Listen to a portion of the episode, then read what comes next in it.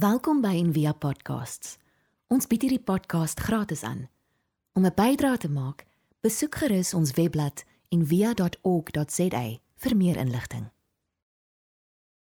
It was the best of times, it was the worst of times. It was the age of wisdom, it was the age of foolishness, it was the epoch of belief, it was the epoch of incredulity.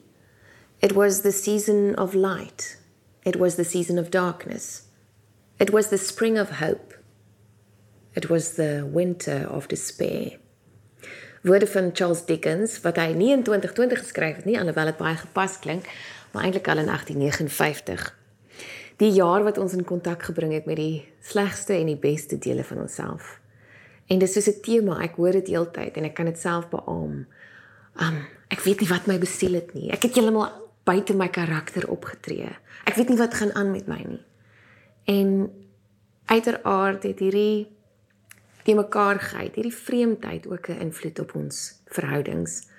En Johan het verlede week gesels oor Jesus se bloudruk vir verhoudings en verhoudings bly maar eintlik heeltyd op die voorgrond. Ah, mens weet nie hoekom nie. Miskien omdat ons gemaak is om in verhouding te leef. En omdat wanneer 'n mens se verhoudings en jou naaste verhoudings um neig om uitmekaar te val, voel dit asof jou hele bestaan uitmekaar val. Wanneer jy nie tuis voel by jou man of jou vrou of jou familie nie, voel dit of jy nêrens hoort nie. Um dis hoe ons gemaak is. En miskien omdat verhoudings die eerste balle is wat ons laat val as ons so baie goeders gelyk probeer juggle. En dis ongelukkig ook die balle wat van glas gemaak is. Die werk, die die skedules, die die geld, die vakansieplanne, al daai goeders sal terugbons. Hulle is van rubber gemaak. Maar verhoudings is van glas gemaak. En verhoudings word gemaak of gebreek in tye soos hierdie. King Lawton het die volgende gesê. Hy het gesê, "I don't think people have demons. I think they have themselves and things they aren't ready to be honest about yet. It is not easy to come to grips with the fact that we're capable of hurting people with the same instrument we love them with. The heart is a hungry wolf and it is made of glass. Nou ons het die storie gelees oor oor Dawid en Michal. En die Bybel is in essensie ook 'n boek oor verhoudings. Ja, oor die groot verhouding tussen God en sy mense, maar ook oor mense se morsige, stikkende verhoudings. Liefdesverhoudings. En um, hierdie storie wat ons gelees het, lyk dalk net soos Dawid se storie en Michal is maar net die vrou wat vir Dawid gelag het. Maar Michal was eerste die vrou wat Dawid liefgehad het. Sy is trouens die enigste vrou in die Ou Testament waarvan ons lees waar daar geskryf staan dat sy 'n man liefgehad het. Natuurlik was daar ander vrouens wat mans liefgehad het, maar die man is die heeltyd uitgebeeld as die initieerder as die jagter en die vrou is maar net die prooi of die pion. Maar in die woord staan in Michal se geval, maar Dawid, maar Michal het Dawid lief gekry. En toe hulle dit aan Saul meedeel, was die saak in sy oë reg. Wat natuurlik 'n hele ander storie is want Saul, koning Saul, Michal se pa, het 'n politieke agenda gehad met hierdie besluit. Maar waar ons op hierdie punt kom, die skriflesing wat ons gelees het, het Michael en David geleidelik begin vergeet hoe om man en vrou vir mekaar te wees. 'n Leeftyd se verbittering gekombineer met een aand se harde woorde waarin die honger wolwe kos gegee word en die glas val en twee mense word vreemdelinge vir mekaar. Dit bly vir my een van die hartseerste goed in die, in die lewe en in my eie lewe ook wanneer mense wat mekaar liefgehad het, 'n uh, 'n lewe gedeel het, getuienis was vir mekaar se lewens op 'n dag vreemdelinge word vir mekaar. En hierdie hierdie storie speel af op wat veronderstel is om die gelukkigste dag van Dawid se lewe te wees. Hy het dit reg gekry om die noordelike en die suidelike stamme van Israel te verenig met hom as koning en hy het Jerusalem verower En as die hoogtepunt van al hierdie gebeure, het hy toe gereël om die verbondsark na sy permanente plek toe te vat. Die optog met die ark was 'n gedans en 'n gehuppel en 'n gesing en Dawid, koning Dawid, was sommer die voorbok. Dawid se vrou, koningin Michal, dogter van die vorige koning, hou hierdie hele ding dop vanuit haar venster. Vir watter rede ook al en en daar was baie, het sy gekies om nie deel te neem nie. Miskien het sy uitgesluit gevoel. Miskien het sy gevoel al hierdie gesing en gedans was benede haar en haar waardigheid as dogter van een koning en vrou van 'n ander. Maar wat ook al die rede, daar staan en sy het Dawid in haar hart verag. Die oorspronklike betekenis van die sin is haar maag het in haar gedraai. Sy was gewalg deur hom. Nou, bietjie backstory, nie so lank terug nie. Michal die prinses wat Dawid liefgekry het, was van hulle troue af ook hierdie politieke pion op Saul en Dawid se skaakbord. Sy word die lokaas waarmee Saul vir Dawid wou vang en op die ou en doodmaak. 'n Uiters disfunksionele familie. En miskien, want soos ons later sien, is eintlik niks benede Dawid nie, al was hy 'n man na God se hart. Is Dawid ook uitstaanspoor meer geïnteresseerd om selfs 'n skoonseun te word as om Michal se man te wees? Mens mens weet nie. Later in die storie leer ons, uh, lees ons hoe sy vir 'n ander man gegee is en dan verdwyn sy 'n bietjie van die toneel af en asof uit die bloute nou net voor hierdie gebeurtenis eis Dawid weer vir Michal terug. En soos 'n pop, soos 'n besitting, soos 'n skaakstuk moet sy weer teruggaan na die na die paleis toe. En ons weet, almal van julle weet, jare en jare van van lief hê wat nie beantwoord word nie, waarin jy nie raak gesien word nie, waarin daar nie ware intimiteit is nie, kan omsit in so 'n bitter vorm van liefde dat dit amper lyk soos haat. Iemand beskryf Michal so from bold heroine to bitter has been. Nou kom ons gaan terug na die na die oomblik waar hulle nou is. Dawid kom ingestap en hy sweterig en ekstaties en hy voel fantasties oor hoe die dag afgeloop het. En Michal sê vir hom: Wel, meneer die koning van Israel, jy het jouself regtig oortref daar buite. Rondgespring en jouself ontbloot met jou kleed wat oopgevlieg het voor al daai slavinne. Sy drup van die sarkasme en eintlik wat sy impliseer is, ek het groot geword in 'n paleis, nie op 'n skaapplaas soos jy nie. In 'n paleis en ek weet hoe 'n koning homself moet gedra en dit lyk definitief nie soos dit nie. En Dawid is diep seer gemaak deur haar woorde. Want nie net bederf sy nou hierdie mooi dag vir hom nie, maar sy maak hom seer waar hy die kwesbaarste is, soos wat geliefdes gewoonlik met mekaar kan regkry, want ons ken mekaar se se holtes, se se kwesbaarste plekke. Sy herinner hom dat hy nie koning geraak het deur reg van opvolging nie, maar sommer net net net uit genade, skandalige genade. Hy was 'n arm niemand wat koning geword het na koning Saul en al sy seuns in 'n geveg dood is. So hy antwoord vir Michal: Ek het nie gedans voor slavinne nie. Ek het gedans voor God. Maar hy is so seer gemaak en kwaad dat hy nie daar stop nie. Hy gaan aan deur te sê: Ek het gedans voor die God wat jou vader verwerp het en my koning gemaak het in sy plek. En dan gaan hy nog verder en hy sê: En ek sal so nederig wees in my eie oë en met die slavinne van wie jy gepraat het, met hulle sal ek myself eer. En dan kom ons by die laaste stukkie wat Rabbi Harold Kushner sê die hartseerste teksvers in die hele Bybel is. Michal het nooit 'n kind gehad tot die dag van haar dood nie. Wat 10:1 beteken, wat heel moontlik beteken dat sy en Dawid nooit weer intiem verkeer het na daardie argument nie. Dawid het destyds letterlik sy lewe gewaag vir haar. Michal wat vasgevang was tussen die twee mans in haar lewe, het haar pa mislei en vir Dawid gekies wat sy liefhet en beskerm. Wat het geword van van daai liefde? Een argument, een stel stupid woorde op 'n oomblik wat hulle albei moeg en emosioneel weerloos was, was genoeg om dit te vernietig. Dawid het van daai dag af aangegaan om vroue te versamel. Sommige kere sommige ander man se vrouens ook, soos ons weet. Dalk in 'n in 'n desperate poging om hierdie ongekompliseerde liefde wat hy en en Michal eens gehad het terug te kry. Maar dit het nooit weer gewerk nie. Michal het in die paleis se gange rondgeloop en is as die ongeliefde vrou beskou en het gesien hoe ander mense haar plek inneem.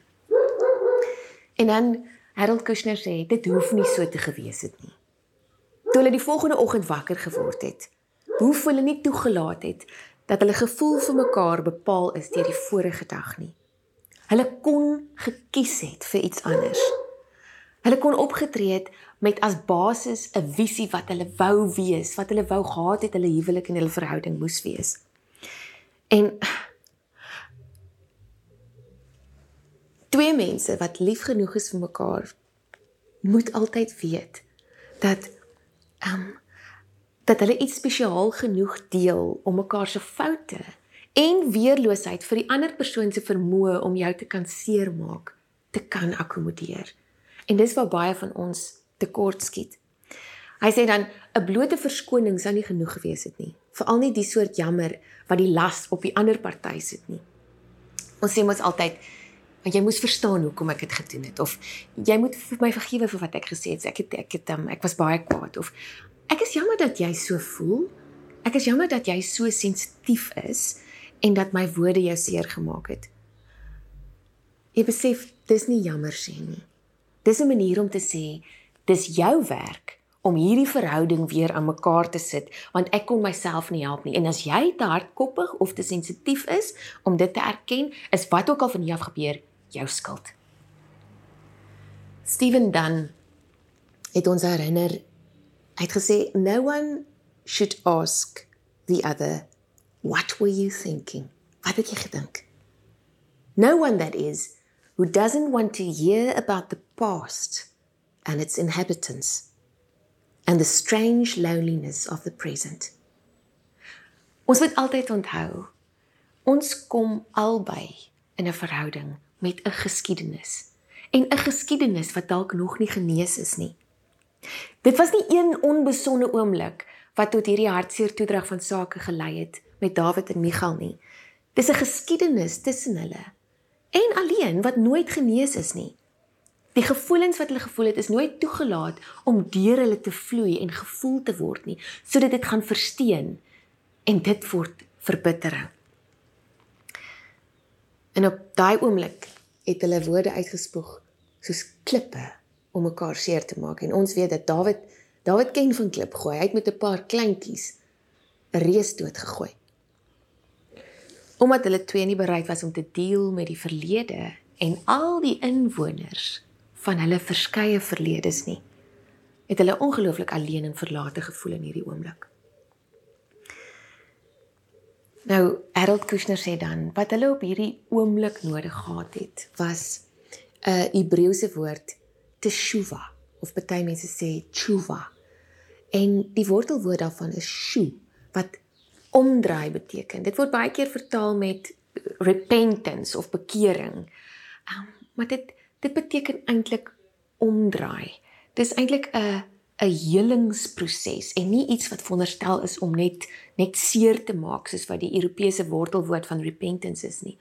Dis soos wanneer wanneer spiere en weefsel in mekaar geweef word om 'n gesuiwerde weergawe van jouself te vorm. Nou hierdie woord shu kom meer as 1000 keer in die in die um in die Hebreëse skrif voor en dit word die eerste keer gebruik wanneer God vir Adam sê uit stof is jy en tot stof sal jy shu sal jy terugkeer om om terug te keer.